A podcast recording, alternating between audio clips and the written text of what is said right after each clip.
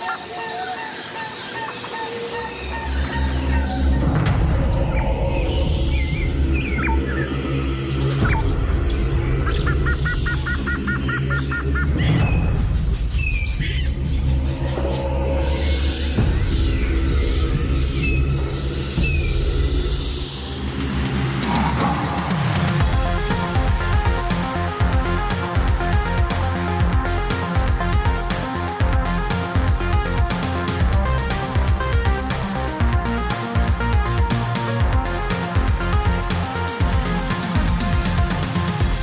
Hjärtligt välkomna ska ni vara tillbaka till ett nytt avsnitt av den här specialen som vi har döpt till Djungelbonanza. Vi är Något Kaiko Podcast där vi varje vecka kommer slå på, bong... inte slå på bongotrumman. Vad är det så här? Trött på den här jävla trumman. Eh, slå på bongotrumman, springa iväg från stenklot, öppna skattkistor och undvika i största möjliga mån att bli lemlästade då av vilda djur. Vad fan, igen eller? Så nu blir jag rädd. Nej, det är lugnt Brutti, nu får jag vara den starka. Ja, vi får vara det. Vi klarar det här. Jag heter David, jag kallas då för Dabba och på andra sidan i vanlig ordning sitter han där då, min vapendragare och kompanjon, djungelkompanjon, Stefan Brutti Kung Tutti Holmberg. Så jag tycker faktiskt att vi kör en applåd och en liten tuta på det!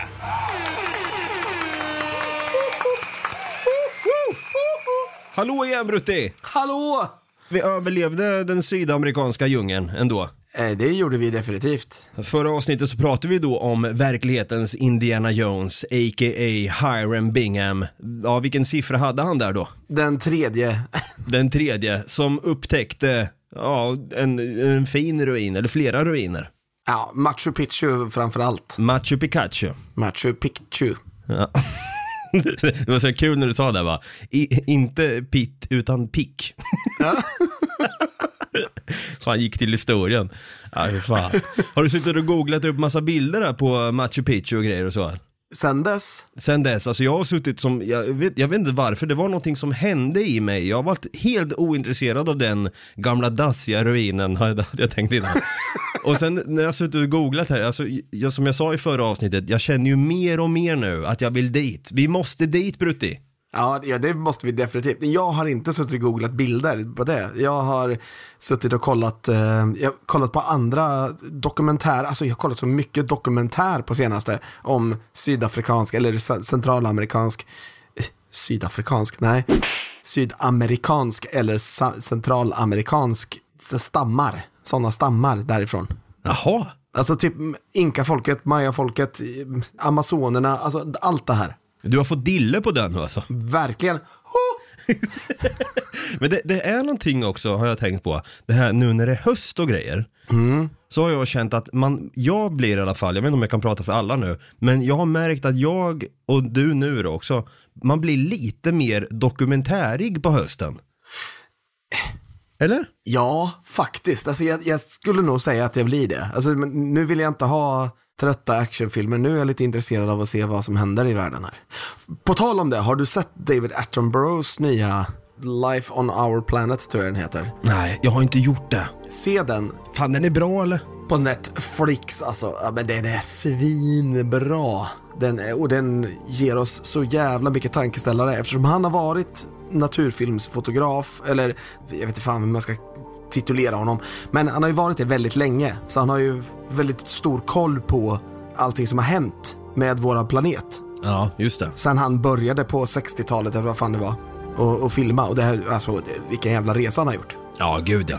Ja. Nej, men det, känns lite grann, det, fan, han och eh, Greta Thunberg borde göra något ihop. Ja, det kan jag tycka. Det kan jag definitivt tycka. Där har vi en bra kombo om man säger så. Men frågan är om David Attenborough har så bra koll på det vi faktiskt ska prata om i det här avsnittet. Vad ska vi prata om Brutti? Wow. Ja, det ska vi prata om. Vi ska prata om Vaudau idag. Wow. Passande här nu med en liten halloween special skulle man kunna säga eftersom det är alla helgonsafton här nu på lördag. Alla helgona. Ja, det kan jag tycka. Så jag tänker först och främst fråga dig innan vi drar in i de haitiska djunglarna här då. Eh, så tänkte jag fråga dig lite grann om vad har du för koll på voodoo, vad är dina liksom så här första tankar som ploppar upp i huvudet då när du hör ordet voodoo, eller voodoo? Alltså, när jag tänker voodoo så tänker jag, alltså jag tänker Haiti, det gör jag. Men jag tänker inte bara Haiti, utan jag tänker New Orleans också. Gud ja. Och så tänker jag eh, filmen Live and Let Die, James Bond. Live and let die. Exakt. Da-da-da. Och sen så tänker jag ju så här, voodoo-dockor. Mm. Vi ska prata en del om eh, precis där, vi, där, där du sa där, voodoo-dockor. Ja, och sen zombies. Zombies kommer vi definitivt prata om också och jag är lite med där också med, med just eh, voodoo-dockorna och zombies. Eh, minns inte den där så, eh, Bond-filmen helt tydligt i huvudet nu. Men någonting också som får mig att tänka på voodoo, det är ju just svart magi. Ja, ja, verkligen. och ritualer och liksom ansiktsmålningar och uh, offringar och så vidare. Och frågan är, är det Hollywood som har kommit in och liksom gjort en nidbild av voodoo för allmänheten? Det är ju där vi också ska luska lite i. Vad är liksom fiktivt och vad är inte fiktivt när det kommer till ja, den afrokaribiska religionen som går under namnet voodoo.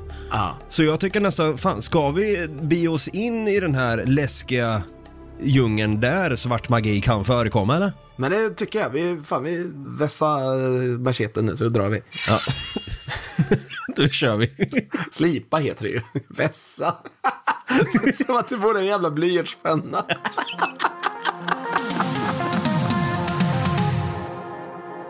Ja, vi ska alltså dedikera ett helt avsnitt åt religionen voodoo. Vad är det som stämmer och vad stämmer inte? Vad kom egentligen voodoo ifrån? Och jag tänker lite grann, eh, Brutti, vi har ju tittat på en dokumentär tillsammans och jag tänker att vi har ju hämtat lite information därifrån. Så jag tycker att vi, eh, vi tar våra lyssnare tillbaka och, och ger dem den korrekta bilden Ja, men det tycker jag. av härstammen till voodoo. Ska man hårddra det eller ska man inte göra det? Hur menar du då? Ska man hårdra det och säga att det börjar redan 1492 när Kristoffer Columbus bara bestämde sig för att dra till Amerika och bara hamna på Haiti. Sen så kommer han tillbaka flera år senare med afrikanska slavar och som har sin egen religion baka i Afrika och så tar de med den. Men Kristoffer Columbus och de här jävla eh, spanska och franska idioterna de tycker inte att de får utöva den här eh, utan de tvingar på dem katolicism och kristendom. Så att därför så... Alltså, nej, ja, jag är helt med dig. Jag tycker nog inte att vi ska ge Kristoffer Columbus så jäkla mycket utrymme i det här avsnittet. För jag, du och jag har pratat om honom tidigare. Ingen av oss gillar honom. Han, en, han var en hemsk människa. Om han skulle sätta sig bredvid mig här nu och fråga så här. Hej grabbar, sitter ni här och poddar?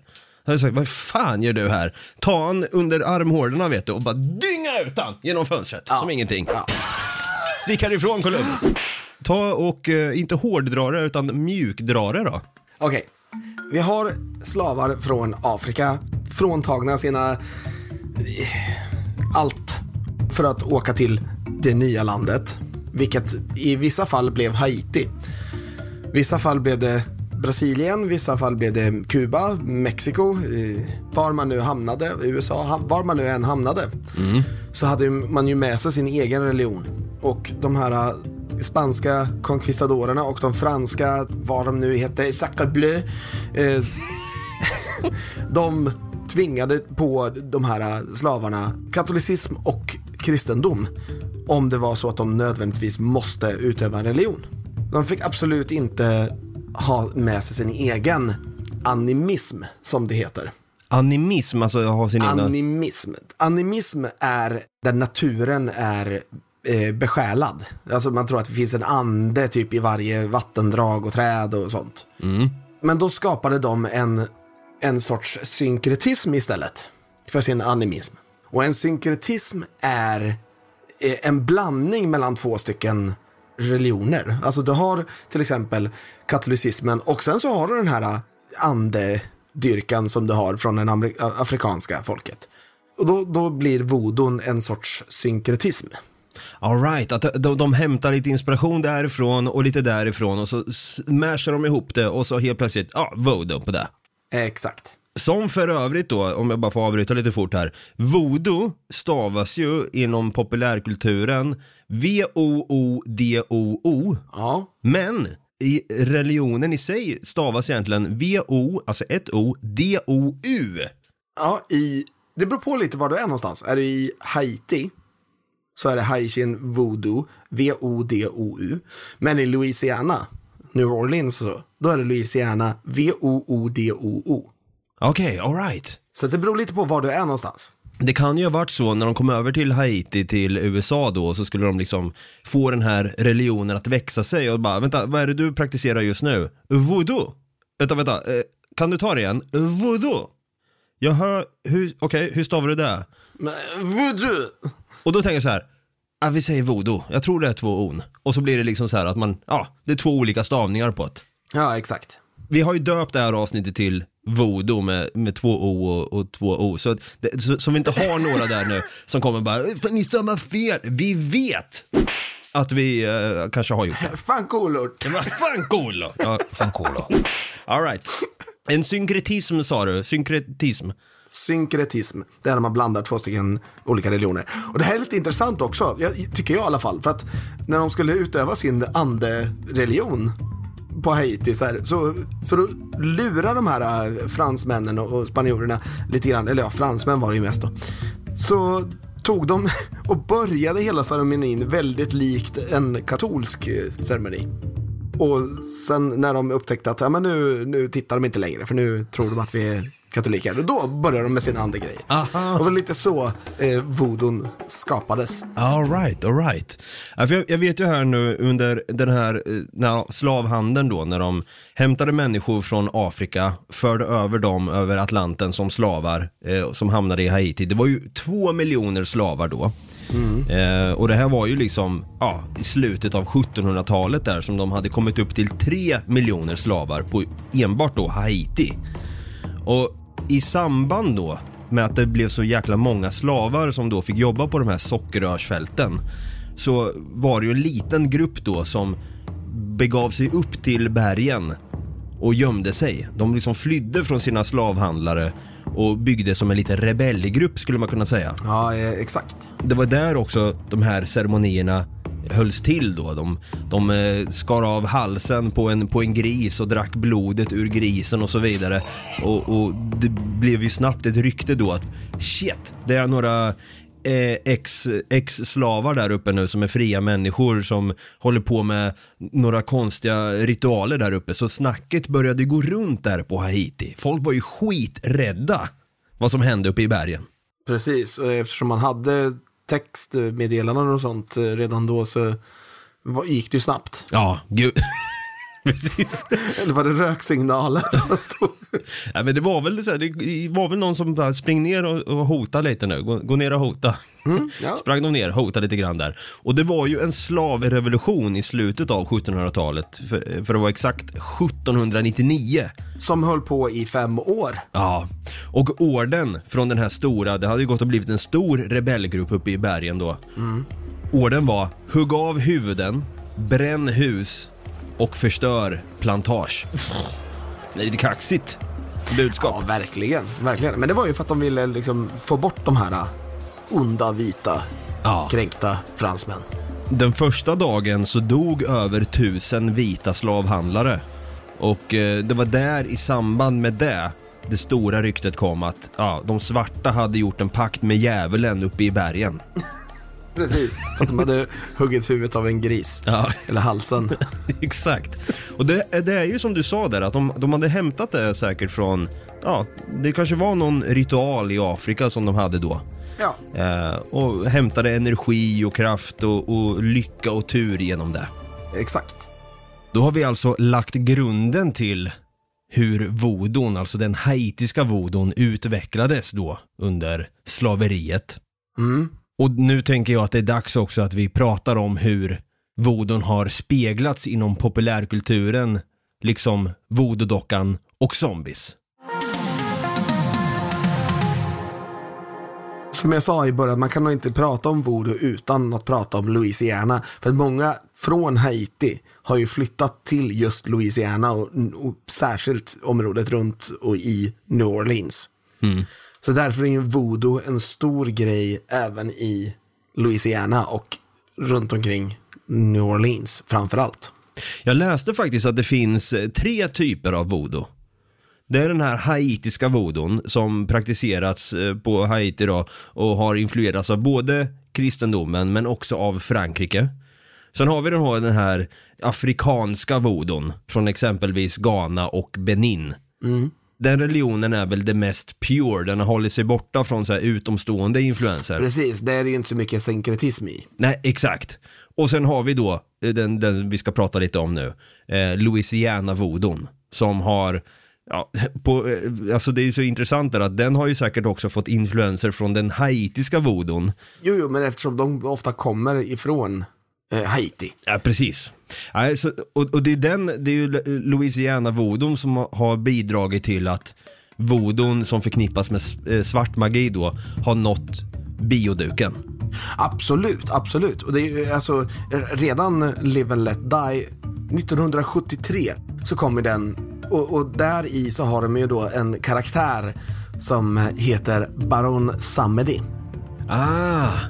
Och vet du vad Samedi betyder? Vänta, jag har ju faktiskt pluggat franska Ja, i sex år och det enda jag kan att säga det är Je suis un pomme. jag är en potatis. Ja, jag är ett äpple faktiskt. Ett äpple, fan. det är det enda jag lärt mig. Nej, jag kan väl Men, också... men, men. Ça va, ça va bien. Ja, Hur, hur många år sa du? Eh, sex år. Ja. Vilken är den sjätte dagen? Precis, det var det jag skulle säga. Det jag kan är eh, att jag, jag minns att samedi är faktiskt lördag. Exakt. Yes, så dum är jag inte era jävlar. vad heter söndag då? Uff. Sunny Med ö. Nej, jag, jag vet faktiskt inte. Nej, inte jag heller. Jag har ingen aning. Jag vet bara att Samedi betyder lördag. Det var en klocka som ringde där i alla fall. Ja, Baron Samedi är inte bara en karaktär i en Bondfilm utan det är även en utav Loa, alltså en av huvudandarna inom voodoo. Ah, alright. Och han är anden av död. Uff. Ja, det är väl han som har sån skelettansikte va? Yes, det stämmer. Och någon hatt där av något slag. Ja, typ en, en top hat ser den ut så. Och nu när vi är inne på louisiansk voodoo om man får säga så. Ja. Så måste vi nämna, vi kommer nästan bli skjutna med en gyllene pistol annars om inte vi nämner det här. Marie Laveau. Är det någon du har hört talas om? Marie Laveau. Fan, det här, det, det ringer en klocka. Eh, eh, Marie Laveau. Hon har faktiskt va- porträtterats i eh, American Horror Story bland annat. Ja, men den Louisiana, den har inte jag sett. Alright. Det är ju American Horror Story Coven, jag tror det är nästan säsong tre på den. Ah, okej. Mm. Hon eh, var ju faktiskt en eh, ja, kreolsk amerikansk voodoo-praktiker. Hon betraktas som ett folkhelgon inom utövare av voodoo-religionen.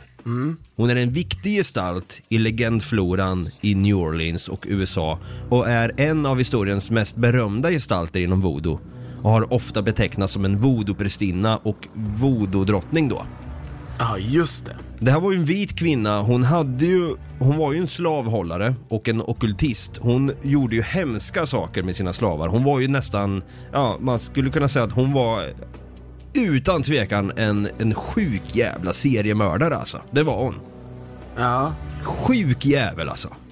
Saken är att hon betraktades som att hon, hon var synsk, hon blev berömd av sin påstådda förmåga att kunna förutse då händelser ur de här kundernas liv då. Det kom ju, hon, för hon arbetade formellt som en hårfrisörska. Eh, I den vita plantagearistokratin i New Orleans. Och då hade Okej. hon eh, massa kunder där då som hon liksom, ja, höll på att lurendreja tänkte jag säga, men jag ska inte skämta bort det här för då är jag rädd att hon kommer in i rummet här och sticker nålen i mig liksom. Du vet att de kan göra det på, på avstånd va? Ja, ja just det i och för sig. Behöver inte vara i samma rum. Och då kommer vi inte helt osökt in på voodoo-dockan. Nej, det gör vi absolut inte. Så jag tänker, voodoo-dockan är ju den, det vi sa i början av avsnittet, det är det som tankarna går direkt till när man hör ordet voodoo. Och det vi har sett också i Hollywoodfilmer och tv-serier framförallt. Ja. Man ser någon håller i en docka där, tar fram en nål, kör in i ögat. Du din jävel, nu kommer det gå illa för det. Och sen bara äh, in i ögat. Och det kan också ha då, antingen så går ögat sönder på den personen som får nålen i ögat på dockan. Ja. Eller så är det att man får ont, aj aj aj, eller så är det något annat att det kommer gå åt helvete då. Någonting kommer hända den personen. Men faktum är att de flesta som praktiserar voodoo, for reals, egentligen aldrig sett en voodoo-docka. Nej, precis. Och även om det är så att eh, i Hollywoodfilmer den har porträtterats som en sak som man sticker nålar i för att göra illa någon. Så de som faktiskt har använt en voodoo-docka på riktigt har använt den för att göra någonting bra. Snarare än att göra någonting dåligt. Exakt, precis. Och det är ju liksom det som är syftet med dockan egentligen, att man, man kanske eh, lägger dit vitlök eller blomsterblad som fäst, fäst på dockan då. Man skickar lyckoönskningar till de här människorna i så fall. Ja, ja precis. Och jag tänker att vi ska lyssna på ett litet klipp här. Det här är ett klipp från Outsiders som går på kanal 5. Det här är hämtat från Dplay och där är det en kvinna då som, ja, heter Bonnie och hon gör sin egna voodoo-docka här. Voodoo är ett väldigt effektivt sätt att lösa problem. Jag har försökt att avstå, men jag är beroende. För det första så har jag använt säkerhetsnålar. Jag kopplar armen till benet. Sen binder jag dockan för att eh, se till att individen inte gör någonting som inte gynnar mig. Och under ritualen så sa jag till dockan att du gör som jag säger nu till dig. Gör så och så. Och så blev det så. En voodoo-docka ett verktyg för att styra offret. Precis som man använder en ratt för att styra en bil. Ja, du hör här Bonnie då eh, från det här eh, klippet. Hon har ju verkligen blivit influerad av det hon har sett på film. Hon har ju inte den blekaste alls över vad faktiskt voodoo är. Nej, precis. Hon har ju väldigt, hon känns ju väldigt så här. "Ja, Jag har sett det här på film, nu vet jag allt. Ja. Nu, jag blir nojig nu om hon hör det här avsnittet och sätter en, en nål i, i någon docka nu som hon har. En, en, tänk en docka med rött hår och, och lite skägg på det och så får... Aj, fan vänta, det gjorde ont i mitt hjärta nu på riktigt. Ah! Men hon kan ju inte ha hört det här än. Ja, det är fan sant, kom Det på. är nog, det där är nog bara en vanlig hjärtattack alltså. Hon har ju inte hört det här än, vi spelar ju in det här, vi spelar in det här nu. det är fan sant. Dum jag. Jag tycker inte du ska skämta om det här faktiskt. För att eh, det är så här. Att en familj, eh, som jag inte riktigt vet var de är ifrån, men de är någonstans ifrån eh, New England-området, alltså runt Boston typ. Vi har en tjej eh, som vi kan kalla för Amanda. Vi har hennes eh, bror som vi kan kalla för Roger. Vi har hennes syster som vi kan kalla för Vivian. Och vi har hennes mor som vi kallar för Esther. Vad kul om du bara drog till med så här, som vi kallar för Rutger. Nej förlåt, just det, jag ska inte skämta bort det här. Eh, I alla fall då så, den här Vivian som var den yngsta systern, hon eh, bodde tillsammans med sin bror Roger och deras mamma Esther. Fast de, alltså Roger var i 60-årsåldern och eh, Vivian var över 50. De bodde ändå tillsammans med deras mor som var över 90. Eh, eh, så, bear with me nu. Ja. Vivian säger att eh, hon tänker inte ta hand om mamma, men hon lurar hennes mamma till att skriva över hela testamentet till henne istället för till hennes bror som faktiskt tar hand om henne istället. Genom att säga att Roger vill bara dra in dig på ett eh, ålderdomshem så att du kan ruttna bort. Åh jäklar. Och Vivian då får ju hela det här huset och eh, säger att Nej, men jag, ska, jag ska låta dig bo i det här huset om du skriver över allting på mig istället. Så Esther blir ju så här, hon vill ju dö hemma. Det är snart dags ändå, så vad fan, ja. Lurad av Vivian så skriver hon över allting på Vivian och Vivian skickar in henne på ett ålderdomshem. Och säger till Roger att du, det är faktiskt mitt hus du kan dra. Roger blir ju galen. Han är dock eh, fiskare. Och eh, åker iväg med sin båt och kommer tillbaka och eh, sen börjar det hända lite konstiga saker då. Jaha. Esther börjar med att hon dör av eh, hög ålder. Sen dog Vivian. Okej. hennes eh, hjälte sprack. Och fy fan. Sen dog även Roger några månader efter det. Så inom åtta månader hade- Roger, Vivian och Esther dött. Och fy fan. Amanda fick ta över huset och allting. Så hon eh, tänker så här, ah, du det här huset där jag sett allting förfalla och hela familjen eh, tyna bort, det vill jag inte ha kvar. Så jag ska rensa ut det och sen ska sälja huset. Men när hon var där inne i det här huset och skulle gå igenom Rogers saker så hittar hon en liten ask som ser lite märklig ut. I den här asken så hittar hon tre stycken foton och en voodoo-docka. Och det finns faktiskt bilder på det här. Nej. Jo. Det här kommer vi självklart och lägga upp på våra SOSMEDs, som man säger, på Instagram och på Facebook. Det är en liten, en liten träask som eh, det ligger, alltså den ser väldigt eh, skitig och eh, ser nästan ut som att de har bränt någonting i det eller att det har legat på havsbotten eller någonting. Men de här fotona i alla fall då. Ja. Två stycken kände hon igen direkt. Okej. Vivian och Esther. Båda de två var på fotona. Nej. I voodoo-dockan så var det nålar. Bland annat en som eh, ser ut som att den skulle kunna vara i, någonstans i mjälten. Uff. Jag, jag får faktiskt gåshud nu Brutti. Eller hur? Visst får man lite gåshud? Ja. Ja, det där var fan äckligt alltså. Jäklar i gatan. Eh, Men vem, vem kan ha gjort det här då? Tänker man liksom att det är den där yngsta, den, Roger. att det är Roger som har gjort det? För att han är förbannad på Vivian och Esther. Men han coolade ju. Ja, eh, exakt. Det vet man inte riktigt varför, men, eh, men han kan ha tagit livet av sig. Aha. Ja, han, han gjorde ju för fan en pakt med djävulen ju, det är det. Men han mådde, han mådde inte så bra redan innan. Han hade sina egna hälsoproblem. Ja shit, ja, vilken, vilken, jäkla, vilken jäkla story alltså. Ja, verkligen. Så Amanda har liksom hittat den här. Och alltså, det, det är, alltså den här voodoo-dockan ser ju liksom ut som någonting som en typ femåring har gjort i syslöjden.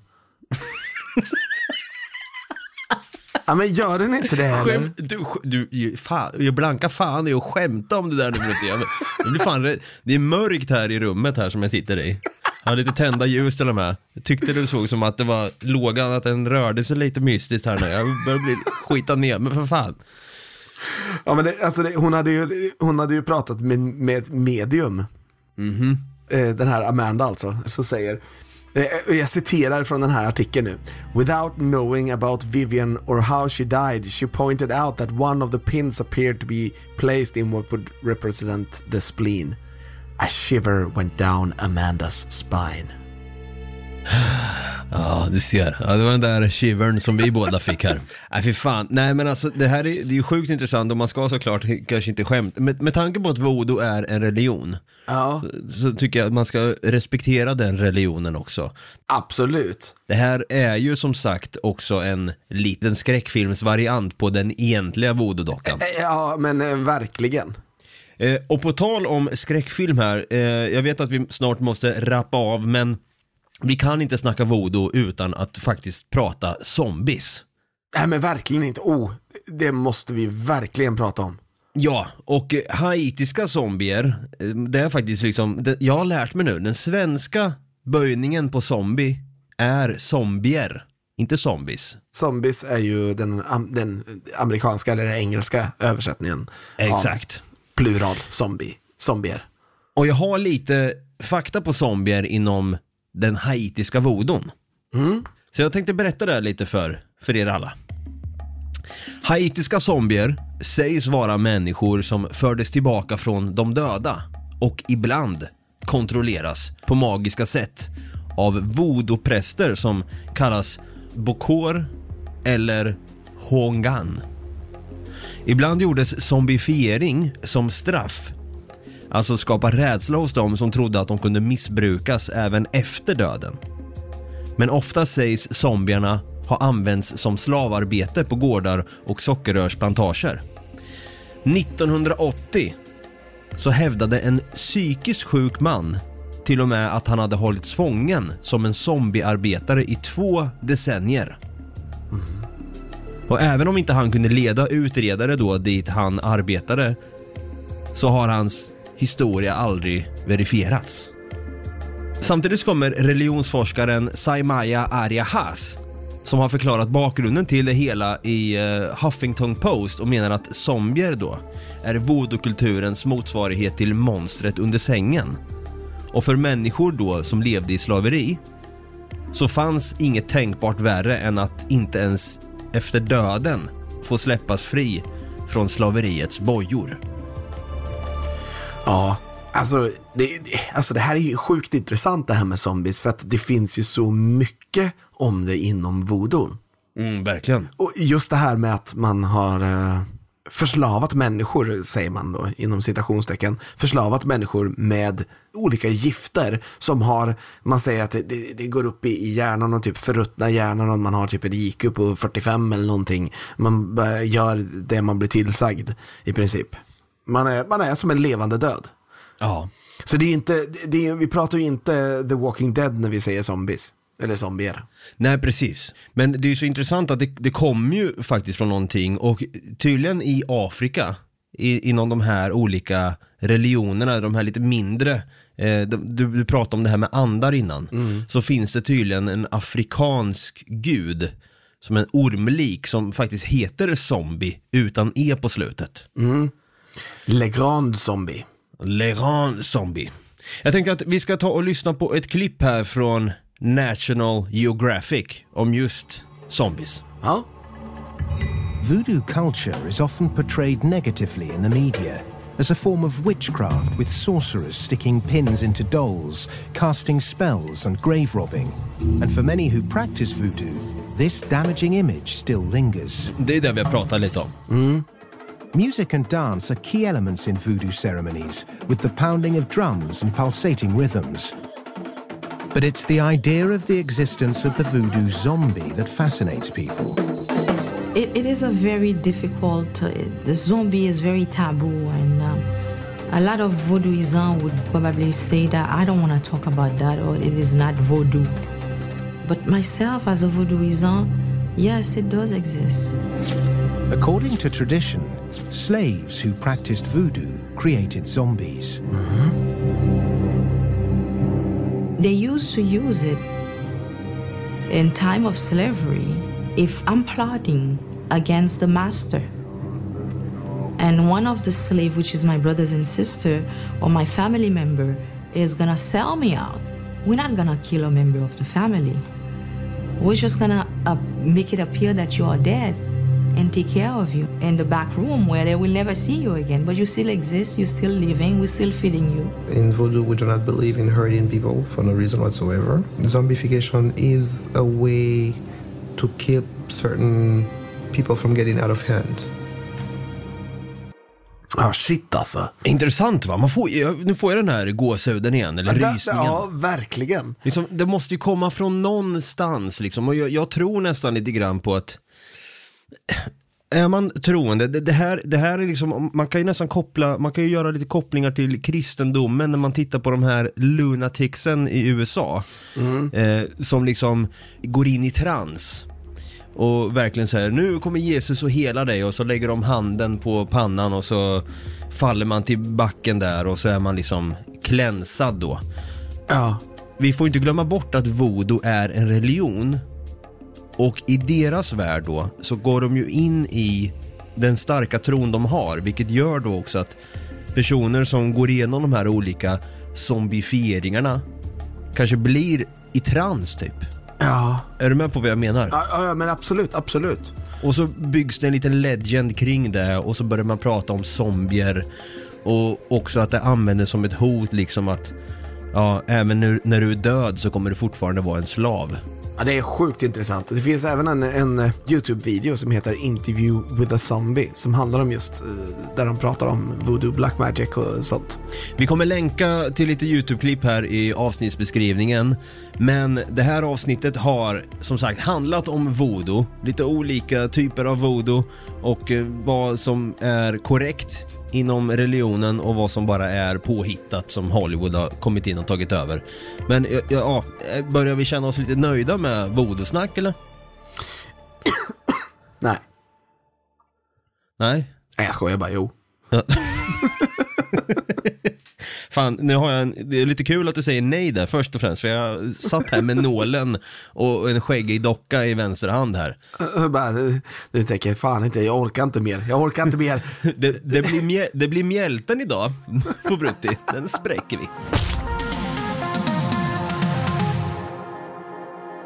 Ja, vi har pratat om voodoo i det här avsnittet. Voodoo. Voodoo, förlåt ja. Voodoo. Voodoo, som stavas med lite olika stavningar där. V-A-O-U-D-O-U. Nej, Brutti. Voodoo. Nu har det gått och blivit en zombie under tiden här.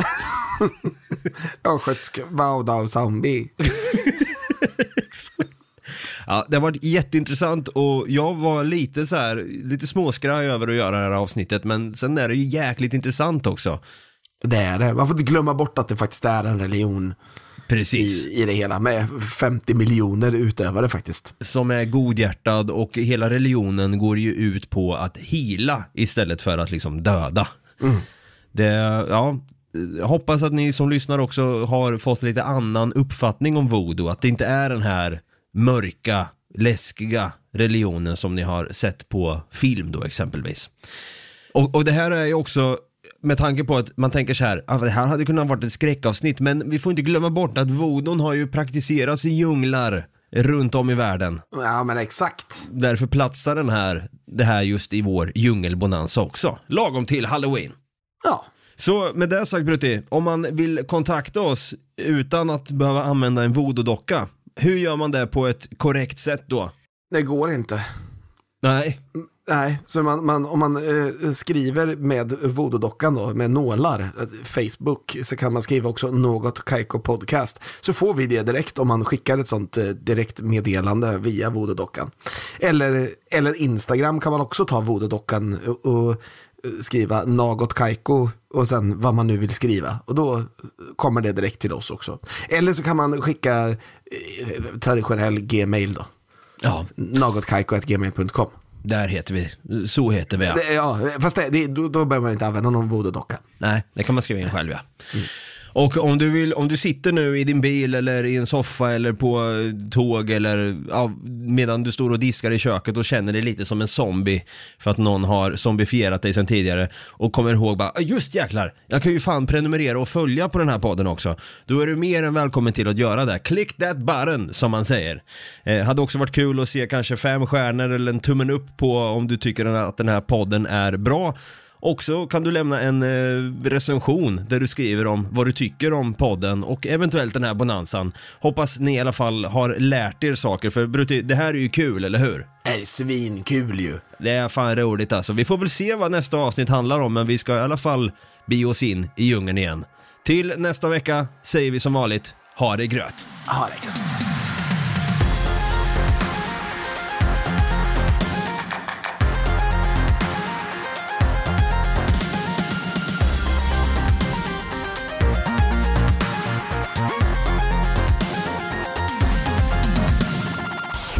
Produceras av I Like Radio. I like radio. Hej! Är du en av dem som tycker om att dela saker med andra? Då kommer dina öron att gilla det här. Hos Telenor kan man dela mobilabonnemang. Ju fler ni är, desto billigare blir det. Skaffa Telenor familj med upp till sju extra användare. Välkommen till någon av Telenors butiker eller telenor.se.